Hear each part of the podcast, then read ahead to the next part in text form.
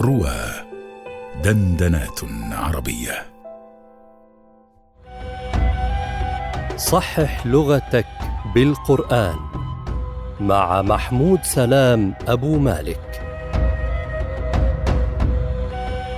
الموسم الثاني على رواه.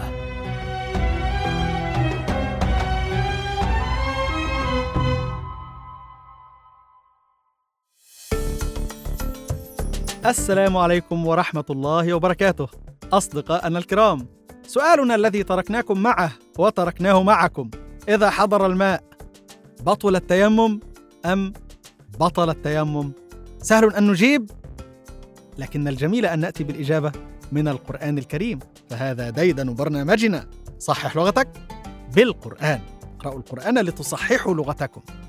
الإجابة التي وصلتم إليها مشكورين هي فلنقرأ الشاهد أولا. يقول الله عز وجل فوقع الحق وبطل ما كانوا يعملون. بطل بفتح الطاء؟ يعني ليست بطلة؟ آه ليست بطل إن أردت البطلان فقل بطل. إذا حضر الماء بطل التيمم. جاء الحق وزهق الباطل إن الباطل كان زهوقا. آه الباطل هذا إذا أردت البطلان فقل بطل. ولا تقل بطل.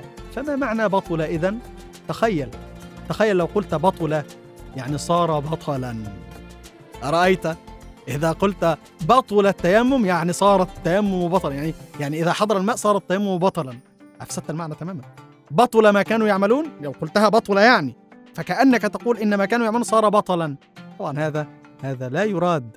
أما بطل التي هي بالفتح التي تدل على البطلان فقال فيها لسان العرب بطل الشيء يبطل بطلا وبطولا وبطلانا يعني ذهب ضياعا وخسرا فهو باطل.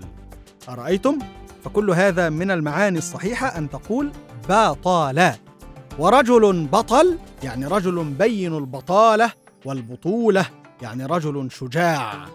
وإذا قلت بطل بالضم يبطل بطولة أي صار شجاعا واعرف واعرفوا أن وزن فعل دوما دوما. وزن فعل يدل على أفعال السجايا أفعال اللازمة.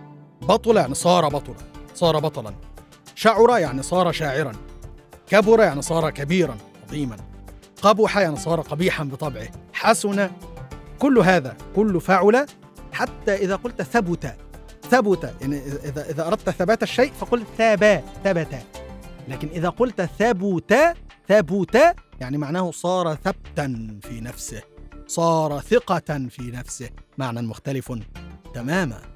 أترككم الآن مع سؤال جديد عن كلمة امرؤ أم امرأ أم امرئ. يعني أقول رحم الله امرأ رحم الله امرئ رحم الله امرؤ.